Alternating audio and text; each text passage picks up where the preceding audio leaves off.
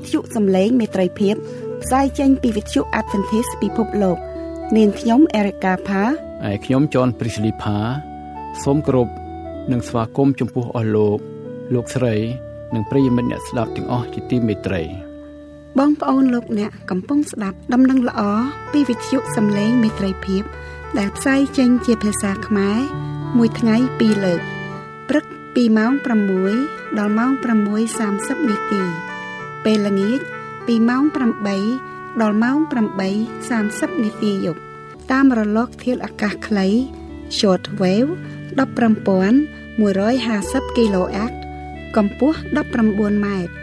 អ្នកស្រីសុនសវណ្ណានឹងជម្រាបជូននៅកម្មវិធីសម្រាប់ថ្ងៃនេះដូចតទៅ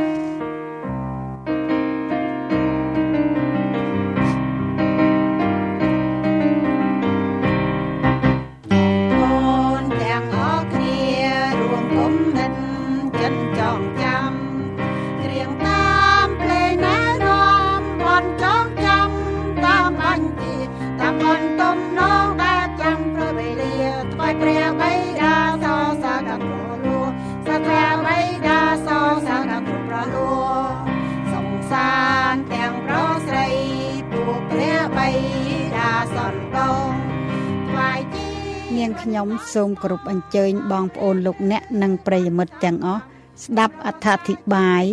នៃព្រះបន្ទូលព្រះដែលនាំមកដោយលោកគ្រូសនសុផាត សូមអញ្ជើញទទួលសន្ដាប់ដូចតទៅព្រះអង្គម្ចា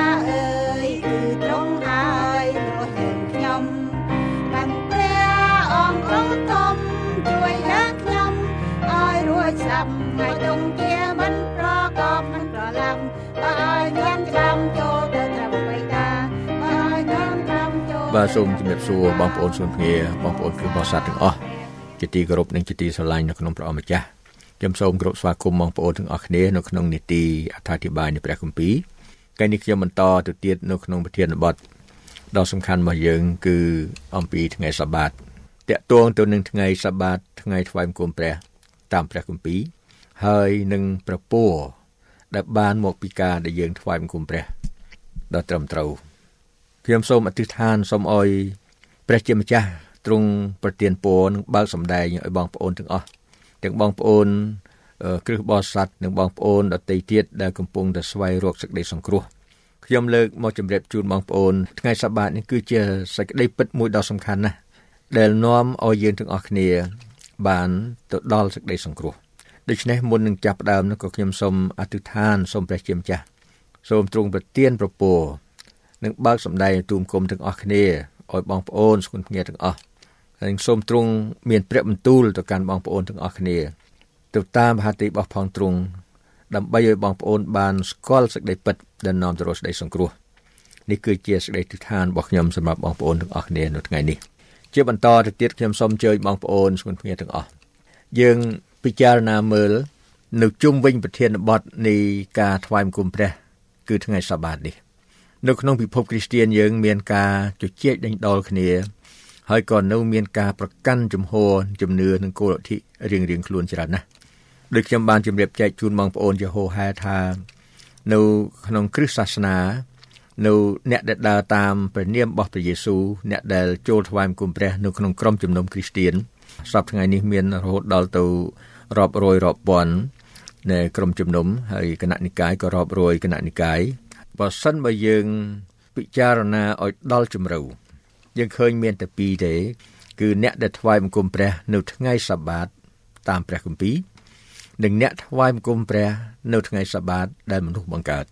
បើយើងនិយាយមួយមួយឡែកទៀតថាអ្នកដែលថ្វាយបង្គំព្រះនៅថ្ងៃសបាតជាថ្ងៃទី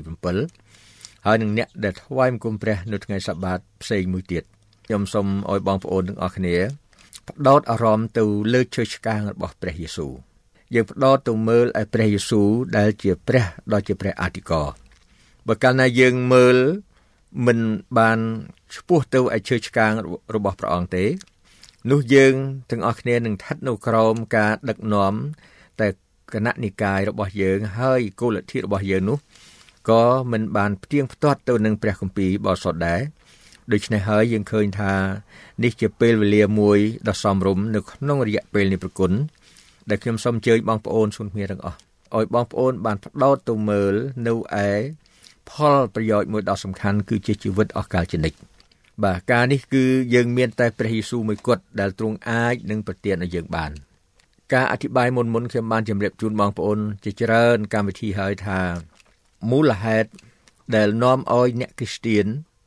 មានការថ្វាយបង្គំពីរនោះគឺជាកលៈទេសៈនៃប្រវត្តិសាស្ត្រដែលបានបង្វែរសេចក្តីពិតរបស់ព្រះអង្គនៅក្នុងពេលដែលពិភពលោកនេះបានវិវត្តជាពិសេសនៅក្នុងអាណាចក្រដែលធំធំជាច្រើននឹងប៉ុន្តែធ្លាក់មកដល់អាណាចក្ររ៉ូមនោះទើបឃើញមានការផ្លាស់ប្ដូរធំណាស់នៅពេលដែលគេបានបំផ្លាស់ប្រែថ្ងៃសបាតថ្ងៃទី7ទៅជាថ្ងៃទី1ដូច្នេះបងប្អូនលោកអ្នក នៅក្នុងចំណេះចេះដឹងរបស់យើង គឺយើងមានតែម្យ៉ាងគត់តែប្រសិនបើយើង ចង់ដឹងសេចក្តីពិតរបស់ព្រះអង្គនោះ គឺមានតែម្យ៉ាងគត់គឺយើងមានតែវិលត្រឡប់ទៅមើលឯព្រះគម្ពីរបរិសុទ្ធវិញពីព្រោះព្រះគម្ពីរបរិសុទ្ធនោះហើយជាព្រះបន្ទូលរបស់ព្រះ ហើយជាអញ្ញាចុងក្រោយ សម្រាប់សម្រេចនៅ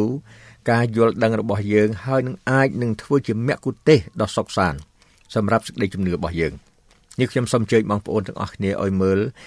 ឲ្យឲ្យយើងមើលរំលងអំពីគណៈនិកាយរបស់យើងហើយអំពីសក្តីបង្រៀនរបស់មនុស្សប៉ុន្តែឲ្យយើងមើលទៅក្នុងសក្តីបង្រៀនរបស់ព្រះយេស៊ូវ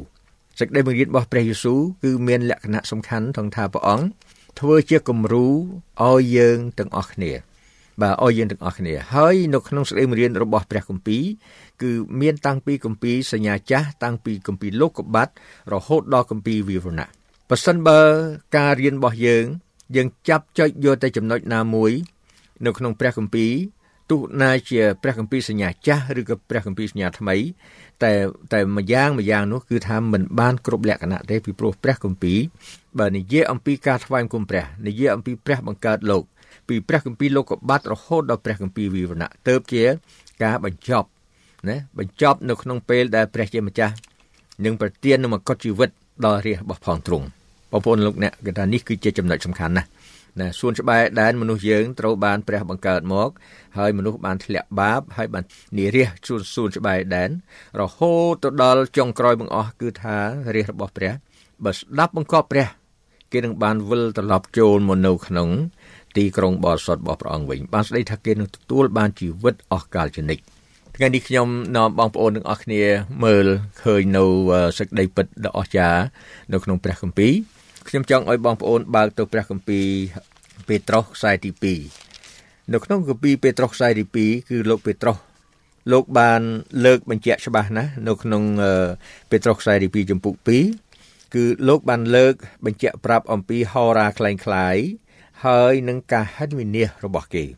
បងប្អូនមើលជាមួយខ្ញុំនៅក្នុងចំពុក2 ខ1តែកាលពីដើម មានហោរាคล้ายคล้ายនៅក្នុងពួកជន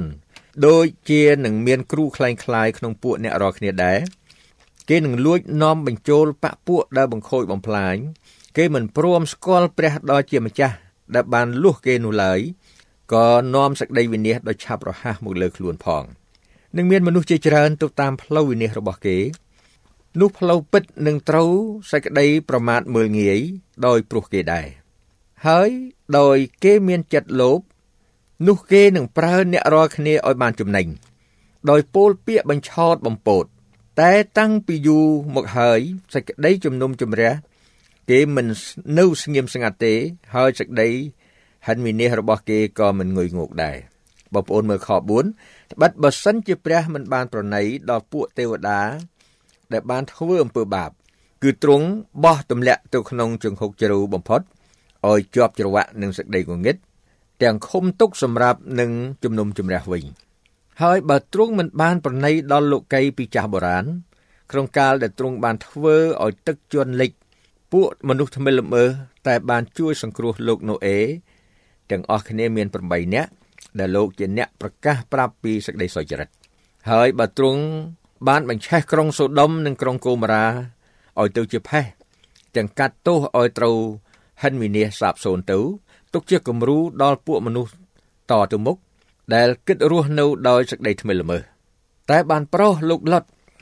ជាអ្នកសុចរិតឲ្យរួចវិញ ដែលលោកមានចិត្តព្រួយលំបាកដោយព្រោះកិរិយាខូចអាក្រក់របស់មនុស្សទៅទាំងច្បាប់ទាំងនោះត្បិតអ្នកសុចរិតនោះ ដែលនៅជាមួយនឹងគេក៏កើតទុកក្នុងចិត្តក្នុងចិត្តសុចរិតរបស់លោករាល់តែថ្ងៃ ដោយបានលឺហើយឃើញការទទឹងច្បាប់ដែលគេប្រព្រឹត្តធ្វើបើដូច្នេះឃើញថាព្រះអម្ចាស់ទ្រង់ចេះប្រោសមនុស្សដែលគោរពប្រណប័តដល់ទ្រង់ឲ្យរួចពីសេចក្តីលបួងហើយនឹងឃុំទុកមនុស្សទុច្ចរិតសម្រាប់នឹងធ្វើទោសក្នុងថ្ងៃជំនុំជម្រះវិញគឺពួកអស់អ្នកដែលដើរតាមសាច់ឈាមជាដើម ដែលគេមានសេចក្តីប៉ងប្រាថ្នាខាងឯកាស្មោកគ្រោកហើយក៏មើលងាយដល់អស់ទាំងអំណាចត្រួតត្រាដែរគេជាពួកប្រហើន មានក្បាលរឹងដែលមិនខ្លាចនឹងគេប្រមាថដល់ទាំងពួកប្រសើរឧត្តមផង ដែលពួកទេវតាដែលមានកម្លាំងមានឫទ្ធិលើសជាងគេទៅទៀតក៏មិនហ៊ានប្រមាថដល់ពួកនោះលើចំពោះព្រះអង្គម្ចាស់ឡើយតែដោយព្រោះគេជេរប្រមាថដល់ការដែលគេមិនស្គាល់នោះគេនឹងត្រូវវិនិច្ឆ័យបាត់ក្នុងការខូចអាក្រក់របស់គេអស់រលីងដូចជាសត្វដេរិឆានដែលកើតមកសម្រាប់តែអោយគេចាប់ហើយ កាប់សម្លាប់ប៉ុណ្ណោះដែរគេហៀបនឹងទទួលរង្វាន់នៃការទុច្ចរិតគេជាពួកអ្នកដែលរាប់ការស្រាប់ស្រាលនៅពេលថ្ងៃទុកជាការត្រេកសប្បាយគេជាស្នាមប្រឡាក់ហើយជាសេចក្តីស្មោកគ្រោកគេត្រេកអរដោយសេចក្តីបញ្ឆោតរបស់ខ្លួនក្នុងពេលកំពុងដែលស៊ីលៀងជាមួយនឹងអ្នករាល់គ្នាខ្ញុំឲ្យបងប្អូនទាំងអស់គ្នាពិចារណាមើលថានេះគឺជាបទបន្ទូលដែលលោកពេត្រុសលោកបានដឹកនាំដោយព្រះញាណបរិសុទ្ធ លោកបានបានលើកមកបញ្ជាក់នេះគឺថាបើបងប្អូនទាំងអស់គ្នាពិចារណាមើលគឺថាមានចំណុចល្អច្រើនណាស់សម្រាប់ឲ្យយើងដឹងជាការដាស់តឿនពីព្រោះថានៅក្នុងពេលសពថ្ងៃនេះសូម្បីព្រះយេស៊ូវក៏ទ្រង់បានមានព្រះបន្ទូលព្រមានដែរថានឹងមានហោរាคล้ายคล้ายនិងគ្រូคล้ายคล้ายជាច្រើនចេញមកដូច្នេះនៅក្នុងចំណុចនេះខ្ញុំសូមឲ្យបងប្អូនទាំងអស់គ្នាមើលថាតើយើងអាចនឹងស្គាល់គ្រូคล้ายคล้ายហោរាคล้ายคล้ายដោយរបៀបណាពីព្រោះ មនុស្សសពថ្ងៃនេះគឺថាពោពេញទៅដោយឧបាយកល គឺថាគេប្រកែខាងវោហាប្រកែខាងបំផ្លែងណាសេចក្តីពិតដូច្នេះបើខ្ញុំចង់ឲ្យបងប្អូនមើលតែម្យ៉ាងទេ ថាយើងមានខ្សែកូនតឹងណាគេហៅ plumb line សម្រាប់ចាក់តម្រង់សេចក្តីបង្រៀនណាដែលមិនដូចជាសេចក្តីបង្រៀនរបស់ព្រះយេស៊ូវសេចក្តីបង្រៀនណាដែលណាមិនចុះសម្រុងជាមួយនឹងសេចក្តីបង្រៀនរបស់ព្រះគម្ពីរនិងសេចក្តីបង្រៀនរបស់ព្រះយេស៊ូវ នោះហើយដែលនៅក្នុងព្រះគម្ពីរថាជាគ្រូខ្លែងខ្លាយបងប្អូនលោកអ្នកយើងមើលឃើញនៅក្នុងករណីនេះខ្ញុំសូមរំលឹកហើយរំលឹកទៀតបងប្អូនដោយដូចជាសវៈពលថាទាំងអង្វរជំរាបបងប្អូនទាំងអស់គ្នាទាំងស្រក់ទឹកភ្នែកគឺពីព្រោះថានេះមិនមែនជារឿងមួយការប្រកាន់អ្នកណាខុសអ្នកណាត្រូវទេ ហើយក៏មិនមែនជាពេលមួយដែលមានអំណួតក្នុងចិត្តថាយើងបរិសុទ្ធជាងនរណាដែរការនេះគឺជាការមួយដ៏សំខាន់ ជាពេលវេលាមួយដែលព្រះវិញ្ញាណបរិសុទ្ធកំពុងដង្ហោយហៅរាជរបស់ព្រះអង្គឲ្យគិតពិចារណាមើលឡើងវិញតើតើការថ្វាយបង្គំរបស់យើងរាល់គ្នា ដែលយើងថ្វាយបង្គំព្រះយេស៊ូវនិងព្រះនៃនគរឋានសួគ៌នោះតើបានត្រឹមត្រូវដែរឬទេណាដូច្នេះបើសិនបើយើងមើលឃើញចំណុចនេះយើងអាចដណ្ដឹងសួរថាប្រសិនបើអ្នកគ្រីស្ទៀនថ្វាយបង្គំព្រះនគរឋានសួគ៌តែមួយអានព្រះគម្ពីរតែមួយហេតុអ្វីបានជាគេមានការថ្វាយបង្គំមិនដូចគ្នា ដូច្នេះទាំងនឹងហើយដែលខ្ញុំសូមឲ្យបងប្អូនទាំងអស់គ្នាយកចិត្តទុកដាក់មើលគឺថាការប្រើវោហាសាស្ត្រការនិយាយដោយប៉ិនប្រសពណាដោយ charismatic ដែលថាដោយមានឲ្យហៅថាការតាក់ទាញចិត្តណាឬក៏ប្រកបដោយនៃគេហៅថាការតាក់ទាញចិត្តឲ្យមនុស្សពេញចិត្តនោះ គឺមិនបាន គ្រប់គ្រាន់សម្រាប់សេចក្តីសង្គ្រោះទេ ដូចជាលោកសាវកប៉ុលលោកតែងបានលើកថាលោកមិនបានអធិប្បាយដោយពាក្យបរមត្តទេ គឺលោកអធិប្បាយជាពាក្យសាមញ្ញធម្មតាប៉ុន្តែជាសេចក្តីពិតរបស់ព្រះយេស៊ូវដូច្នេះបងប្អូនទាំងអស់គ្នាមើលឃើញកន្លែងនេះគឺថាយើងឃើញថាមានហោរាคล้ายคล้ายនឹងដែលនាំឲ្យមនុស្សជាច្រើនបានអឺដើរតាមខ្លួន ហើយពេលនេះយើងឃើញថាសពថ្ងៃនេះយើងមើលខ2ម្ដងទៀតនឹងមានមនុស្សជាច្រើន ទៅតាមផ្លូវវិន័យរបស់គេ ទៅតាមផ្លូវវិន័យរបស់គេអឺនោះផ្លូវពិតនឹងត្រូវសេចក្តីប្រមាថមើលងាយបងប្អូនលោកអ្នកពិចារណាមើលបើយើងគ្រាន់តែនិយាយពាក្យនេះហើយយើងមិនបាន ដាក់នៅក្នុង scenario ណាមួយឬនៅក្នុងអឺហៅថាសកម្មភាពណាមួយឧទាហរណ៍ថាបើសិនបើយើងមិនបាននិយាយតាក់ទងទៅនឹងការមួយដ៏សំខាន់អ្វីទៅតែការសំខាន់បងប្អូនរវាងមនុស្សដែលជឿព្រះគឺការថ្វាយបង្គំព្រះសំខាន់ណាស់ ដូច្នេះកន្លែងនេះមួយបើសិនជាយើងនិយាយដោយចំហអញ្ចឹងគឺថាបងប្អូនអត់ដឹងទេប៉ុន្តែបើយើងលើកយកទៅនៃដាក់ចំណុចមួយគឺជាចំណុចនៃការថ្វាយបង្គំព្រះនឹងមានមនុស្សជាច្រើនទៅតាមផ្លូវនេះរបស់គេនោះផ្លូវពិតនឹងអឺនឹងត្រូវសក្តីប្រមាថមើងងាយបានតែសក្តីពិតដូចជាសក្តីពិតអំពីថ្ងៃសបាតសក្តីពិតអំពីថ្ងៃថ្វាយគុំព្រះត្រឹមត្រូវនោះត្រូវបានគេប្រមាថមើលងាយ ដោយព្រោះគេដែរបានន័យថាម៉េចពីព្រោះពួកគេអ្នកណាមួយដែលមិនបានកាន់ថ្ងៃបរិសុទ្ធថ្ងៃសបាតគេនឹងប្រមាថមើលងាយទាំងពួកប្រសើរដំហើយចំពោះសេចក្តីពិតរបស់ព្រះទៀតដូច្នេះខ្ញុំខ្លាចបងប្អូនទាំងអស់គ្នាពេលបងប្អូនមិនស្ដាប់ការណែត្រាស់ហៅការដង្ហោយហៅរបស់ព្រះវិញ្ញាណបរិសុទ្ធហើយបងប្អូនចេះនៅតែប្រឆាំងជាមួយនឹងព្រះវិញ្ញាណបរិសុទ្ធព្រះទៀតមិនឆ្លើយតបទៅតាមការត្រាស់ហៅរបស់ព្រះអង្គ តនេះហើយដែលខ្ញុំអោយបងប្អូនទាំងអស់គ្នាពិចារណាមើលថា នៅក្នុងខ3ថាហើយដោយគេមានចិត្តលោភណាគឺជាពួកគ្រូខ្លែងខ្លាយជាពួកហោរាខ្លែងខ្លាញគេមានចិត្តលោភនោះគេនឹងប្រើអ្នករាល់គ្នាឲ្យបានចំណេញដូច្នេះខ្ញុំគ្រាន់តែលើកជំរាបជូនបងប្អូនមួយទៀតថាសញ្ញាមួយទៀតអំពីអ្នកអធិប្បាយអំពីគ្រូនៃអធិប្បាយ មកពីព្រះពិតប្រកបគឺគេត្រូវគិតខ្វល់ខ្វាយពីរឿងសេចក្តីសង្គ្រោះរបស់មនុស្សគ្រប់គ្រប់គ្នាដូច្នេះគេអត់បានគិតពីរឿងប្រយោជន៍តខ្លួនទេគេគិតអំពីសេចក្តីសង្គ្រោះរបស់មនុស្សម្នាក់ម្នាក់ដែលបានស្ដាប់ឮដំណឹងល្អរបស់ព្រះអង្គបងប្អូនលោកអ្នកកន្លែងនេះព្រះបានលើកនៅមេរៀនឲ្យយើងមើលឃើញច្រើនណាស់ថាតាំងពីនៃអរៈដែលត្រូវចាប់បោះទម្លាក់ឲ្យធ្លាក់ក្នុងចង្ហុកជ្រៅណា ឲ្យជាប់ចង្វាក់នៃក្តីងងឹតទាំងឃុំទុកសម្រាប់នឹងការជំនុំជម្រះវិញមួយទៀតនៅនៅក្នុងនេះលោកពេត្រុសលោកបានប្រៀបអំពីនៅទឹកចំនួនជនលេខនោះគេថាអ្នកដែលមិនបានឆ្លើយតបនឹងការត្រាស់ហៅរបស់ព្រះមិនព្រមចូលក្នុងទូកធំនោះនឹងត្រូវហិនវិនិច្ឆ័យដែរហើយមួយទៀតអំពីក្រុងសូដុំនិងក្រុងកូម៉ារ៉ាដែលគេចេះតែប្រព្រឹត្តអំពើអាក្រក់នៅចំពោះព្រះនោះក៏គេត្រូវនៅក្រុងសូដុំកូម៉ារ៉ាក៏ត្រូវព្រះបំផ្លាញចោលដែរនោះទុកជាអីបងប្អូនទាំងអស់គ្នា ទុកជាគំរូដល់មនុស្សតទៅមុខដែលគិតរស់នៅដោយសេចក្តីថ្មិលមើលដូច្នេះការដែលរស់នៅដែលមិនចុះសម្រុងទៅជាមួយនឹងសេចក្តីមេរៀនរបស់ព្រះរបស់ព្រះយេស៊ូវនេះមិនស្ដាប់នៅក្រឹតវិន័យ10ប្រការរបស់ព្រះអង្គមិនដើរតាមហឹបនៃសេចក្តីសញ្ញាមិនកាន់ថ្ងៃសបានោះប្រៀបដូចជា អ្នកនោះគិតរស់នៅដោយសេចក្តីថ្មិលមើលគឺយើងរស់នៅអឺយើងគិតថាយើងស្រឡាញ់ព្រះយើងថ្វាយគុំព្រះប៉ុន្តែយើងមិនបានផ្ទៀងផ្ទាត់មើល ហើយយើងធ្លាក់ចូលទៅក្នុង អន្ទាក់របស់អរៈបងប្អូនលោកអ្នកខ្ញុំសូមប្រកាសជូនបងប្អូនថាមានបទបន្ទូលច្រើនណាស់ដែលសម្រាប់នឹងជួយដាស់តឿនយើងសូមបងប្អូនទាំងអស់គ្នាពិចារណាមើលឡើងវិញខ្ញុំគ្រាន់តែជម្រាបជូនបងប្អូនថា នៅក្នុងព្រះគម្ពីរដែលយើង សិក្សាមើលជារៀងរាល់ថ្ងៃនេះ យើងមើលឃើញថាអ្វីក៏ដោយ គឺត្រូវវិលត្រឡប់ទៅមើលឯចំណុចចាប់ផ្ដើមវិញតើមនុស្សយើងអាដាមអេវ៉ា ធ្លាក់ចុះក្នុងពើបាបដោយរបៀបណាបងប្អូនលោកអ្នកមិនចាំបាច់ត្រូវការចំណេះចេះដឹងដ៏ជ្រៅជ្រះបរិញ្ញាបត្រឬក៏នៅបណ្ឌិតបានយើងធ្វើបានទេព្រះបន្ទូលរបស់ព្រះគឺជាសេចក្តីពិតដ៏សាមញ្ញបំផុតសម្រាប់មនុស្សទាំងអស់បងប្អូនគ្រាន់តែចេះស្ដាប់ណាមិនចាំបាច់ចេះអានក៏អាចនឹងទទួលបានសេចក្តីសង្គ្រោះនិងសេចក្តីពិតរបស់ព្រះអង្គដែលនាំទៅរកសេចក្តីសង្គ្រោះដែរ ខ្ញុំគ្រាន់ជម្រាបជូនបងប្អូន នៅក្នុងលក្ខណៈជាមូលដ្ឋានជាដើមដំបូងបង្អស់ហើយជាសុក្រិតបំផុតនោះ បានស្ដីថាព្រះជាម្ចាស់បានបង្រៀនយើងទាំងអស់គ្នាឲ្យយើងបានមើលឃើញសេចក្តីពិតពីរយ៉ាងដ៏សំខាន់ណាស់ដែលជារូបមន្តនៃសុភមង្គលដែលជារូបមន្តនៃសុភមង្គលនិងជារូបមន្តនៃសេចក្តីសង្គ្រោះបើសិនបើយើងចង់បាន អឺមានទំនាក់ទំនងចិត្តស្និទ្ធជាមួយនឹងព្រះ ចង់បានពិតប្រកបថាយើងនៅក្នុង ប្រហោះរបស់ព្រះអង្គ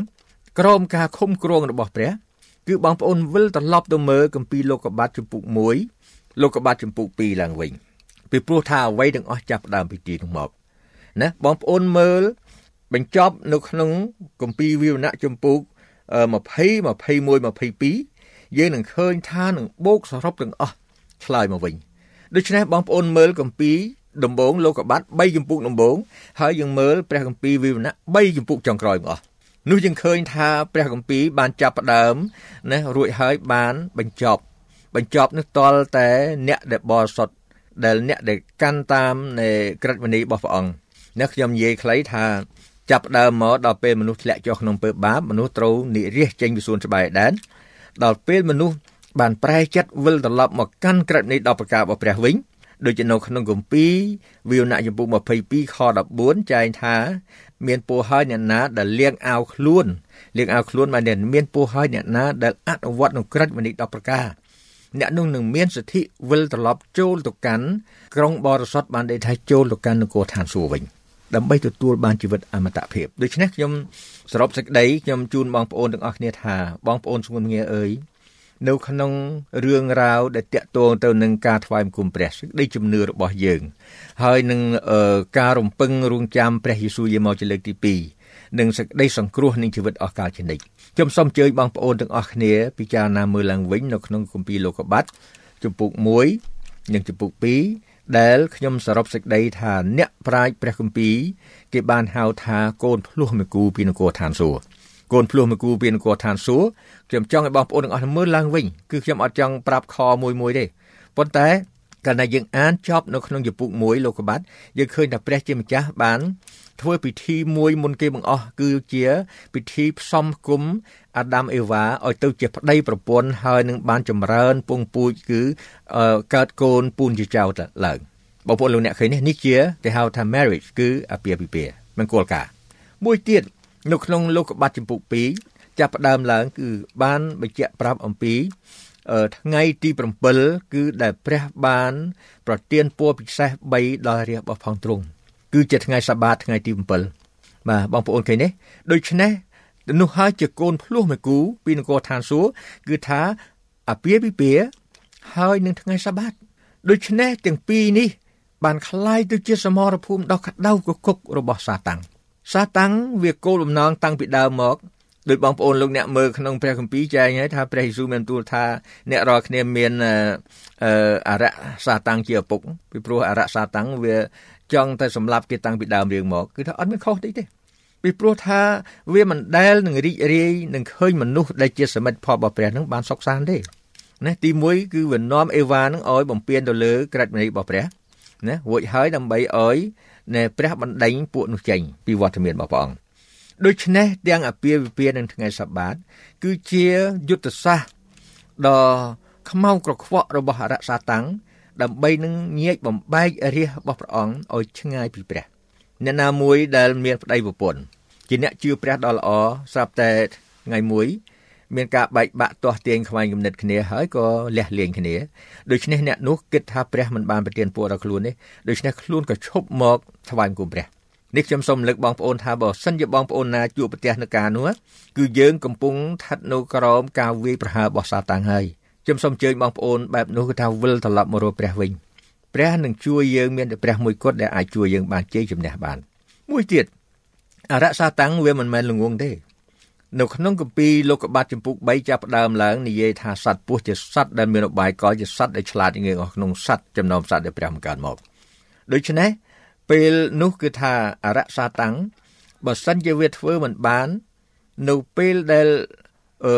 យើងបានស្រឡាញ់គ្រួសារប្តីប្រពន្ធនៅដល់លោកលឿនហើយយើងវាមិនអាចបំបែកបានទេ វាទៅបំបែកយើងចេញពីព្រះមួយទៀតនៅក្នុងការថ្វាយបង្គំការថ្វាយបង្គំនឹងគេថាឆ្លងកាត់រយៈពេលតាំងពីសតវត្សទី4មកបងប្អូនមានទានតាំងសតវត្សទី3មកគឺថារហូតមកទល់សពថ្ងៃនេះគឺអរសាតាំងវាបានជោគជ័យមែនទែន គឺពេលដែលវាបាននាំមនុស្សភាកច្រើនអើយថ្វាយបង្គំព្រះ ជាថ្ងៃសបាតមួយ ដែលមិនមែនជាថ្ងៃសបាតដែលព្រះបង្កើតពីសួនច្បារដែនមកទេថ្ងៃសបាតហ្នឹងបងប្អូនលោកអ្នកចូលរំលឹកហើយរំលឹកទៀតថាបងប្អូនថ្ងៃសបាតថ្ងៃថ្វាយគុំព្រះជាថ្ងៃទី7ហ្នឹងគឺថាមានតាំងពីកំណើតផែនដីមកនៅក្នុងពេលដែលព្រះបង្កើតលោកសន្និវាសនេះនៅក្នុងរយៈពេល7ថ្ងៃថ្ងៃ ទី1ដល់ថ្ងៃទី6ព្រះបានបង្កើតបោះសពសារពើតែថ្ងៃទី7ព្រះអង្គមិនបានបង្កើតរបស់ឯទៀតទេប៉ុន្តែទ្រង់បានបង្កើតការមួយដ៏សំខាន់ណាស់គឺជាការថ្វាយបង្គំប្រព័ន្ធនៃការថ្វាយបង្គំដ៏បរិសុទ្ធមុនគេទាំងអស់គឺតាំងពីសួនច្បារដែននេះហើយជាថ្ងៃសបាតដែលមានតាំងពីសួនច្បារដែនមាននៅក្នុងសម័យព្រះយេស៊ូវហើយមាននៅនគរឋានសួគ៌ទៀតចុះនៅថ្ងៃថ្វាយបង្គំព្រះនៅថ្ងៃអាទិត្យតើមានពីណាមកបងប្អូនទាំងអស់គ្នា សូមអញ្ជើញមើលឡើងវិញនៅប្រវត្តិសាស្ត្រកាលណាយើងមិនមើលឡើងវិញប្រវត្តិសាស្ត្រគឺថាធ្វើឲ្យពួកអ្នកដែលគ្រូខ្លែងខ្លាយនេះចេះតែមកកុហកបោកប្រាស់យើងបានឲ្យកុហកបោកប្រាស់យើងបានឲ្យយើងឃ្លាតឆ្ងាយពីព្រះដោយអត់ដឹងខ្លួនយើងគិតថាយើងទៅថ្វាយគុំព្រះតាមពិតយើងទៅយើងបំពេញក្រឹតវិវព្រះយើងធ្វើបាបគំនួគួរឡើងដល់ផ្ទៃមេឃបងប្អូនលោកអ្នកឃើញទេ តែនឹងហេតុបើខ្ញុំឲ្យបងប្អូនមើលថាថ្ងៃអាទិត្យនឹងវាចាប់ផ្ដើមមាននៅក្នុងសតវត្សទី3សតវត្សទី4មកហើយក៏នឹងត្រូវចប់នឹងត្រូវចប់នៅពេលមួយពេលព្រះយេស៊ូវយាងមកលើកទី2ចប់ហើយអត់មានទៀតទេពីព្រោះព្រះមិនអាចនឹងអនុញ្ញាតឲ្យអ្វីដែលមនុស្សបង្កើតនឹងចូលក្នុងឋានសួគ៌ទេបងប្អូនលោកអ្នកមើលនៅក្នុងគម្ពីរអេសាយពុក66នៅ3ខចុងក្រោយមកអស់បងប្អូនមើលឡើងវិញពីថ្ងៃសបាតមួយដល់ថ្ងៃសបាតមួយទៀត គឺថ្ងៃថ្វាយគុំព្រះដល់ត្រឹមត្រូវថ្ងៃសបាតមួយដល់សបាតមួយមនុស្សទាំងអស់គេនឹងមកថ្វាយបង្គំនៅចំពោះបល្ល័ង្ករបស់ព្រះនេះខ្ញុំសូមរំលឹកប្រាប់បងប្អូនថាបងប្អូនលោកអ្នកនេះហើយជាប្រពោះដ៏ពិសេសណាស់ខ្ញុំសូមអញ្ជើញបងប្អូននៅក្នុងពិភពគ្រីស្ទានកុំអោយយកថ្ងៃសបាតនឹងទៅជាមធ្យោបាយសម្រាប់ការតាំងវិវាទរវាងអ្នកដែលស្រឡាញ់ព្រះដូចគ្នាបើសិនជាបងប្អូនមិនទាន់បានចូលមកថ្ងៃសបាតទេ សូមបងប្អូនបានចុះចូលជាមួយព្រះប្រែចិត្តពីព្រោះព្រះយេស៊ូវមានទូលថាចូលប្រែចិត្តចុះត្បិតនគរឋានសួគ៌ចិត្តដល់ហើយថ្ងៃសបាតនេះមិនមែនជាថ្ងៃសបាតពិតគឺមិនមែនជាមនុស្សមកកើតទេគឺព្រះជាម្ចាស់ទ្រង់មកកើតឯថ្ងៃសបាតคล้ายៗគឺជាមនុស្សមកកើតទាំងនឹងហើយបានជានៅក្នុងព្រះគម្ពីរអឺម៉ាកុសនៅក្នុងព្រះគម្ពីរម៉ាកុសចំពុក7បងប្អូនលោកអ្នកមើលឃើញបានយើងឃើញតែព្រះបន្ទូលរបស់ព្រះយេស៊ូវផ្ទាល់ ដែលព្រះអង្គមានព្រះបន្ទូលគឺថាអស្ចារ្យណាស់ខ្ញុំសូមឲ្យពិភពគ្រីស្ទានមើលឡើងវិញលោកមើលឡើងវិញកន្លែងហ្នឹងពីព្រោះនៅក្នុងគម្ពីរម៉ាកុសចំពុក7នៅខ6តែទ្រង់ឆ្លើយតបថាពួកអ្នកមានពុតអើយហោរ៉ាអេសាយបានទាយពីអ្នករាល់គ្នាត្រូវណាស់ដូចជាមានសេចក្តីចែងទុកមកថាជនជាតិនេះគេគោរពប្រណិប័តអញតែបបោមកទេឯចិត្តគេនៅឆ្ងាយពីឯងណាស់ដែលគេថ្វាយបង្គំឯងដោយបង្រៀនសេចក្តីបញ្ញត្តិជារបស់មនុស្សនោះជាឥតប្រយោជន៍ទៅទេ ណាសេចក្តីបញ្ញត្តិជារបស់មនុស្សគឺថ្ងៃសាបាតដែលកុងស្តង់ទីនបានឡាយប្រហោះលេខានៅថ្ងៃ7មីនាគ្រិស្តសករាជ321ហើយថ្ងៃអាទិត្យបានคล้ายជាថ្ងៃថ្វាយគុំព្រះ នៅក្នុងអាណាចក្ររ៉ូមរហូតក្រោយទៀតមកទៅជាថ្ងៃថ្វាយគុំព្រះ Universal ទូទាំងសកលរហូតបន្សល់ទុកសពថ្ងៃនេះមានបងប្អូនយើងជាច្រើនយើងនាំគ្នាថ្វាយគុំព្រះនៅថ្ងៃនោះថ្ងៃនោះ ទ្រង់មានបន្ទូលគេថាអ្នករាល់គ្នាលះបង់ចោលបញ្ញត្តិព្រះមែនដើម្បីនឹងកាន់តាមសន្តាប់របស់ខ្លួនវិញកន្លែងនេះព្រះយេស៊ូវមានទូលថាអ្នករាល់គ្នាថ្វាយគុំខ្ញុំឥតប្រយោជន៍ You worship me in vain កន្លែងនេះខ្ញុំសូមរំលឹកប្រាប់បងប្អូនណាបងប្អូនលោកអ្នកសូមអោយយកចិត្តទុកដាក់មើលនេះជាព្រះបន្ទូលរបស់ព្រះយេស៊ូវដើម្បីឲ្យបងប្អូនទាំងអស់គ្នា បានវិលត្រឡប់ចូលមកនៅក្នុងការរៀបចំទទួលប្រពោពិសេស ខ្ញុំនឹងអធិប្បាយជាបន្តទៅទៀតនៅក្នុងប្រធានបទអំពីថ្ងៃសបាតនេះប៉ុន្តែខ្ញុំសង្ឃឹមថាព្រះវិញ្ញាណបរិសុទ្ធនឹងប្រទានពរហើយនឹងបង្ហាត់បង្រៀនយើងរាល់គ្នាឲ្យបានទទួលស្គាល់សេចក្តីពិតរបស់ព្រះអង្គសូមព្រះជាម្ចាស់ប្រទានពរបងប្អូនសូមគ្នាជាបរិបូរអាមែនវិទ្យុយើងសូមថ្លែងអំណរគុណដល់បងប្អូនលោកអ្នកដែលបានយកចិត្តទុកដាក់ស្ដាប់កម្មវិធីយើងខ្ញុំនៅថ្ងៃនេះសូមព្រះជាម្ចាស់ប្រទានព្រះពរជាបរិបូរណ៍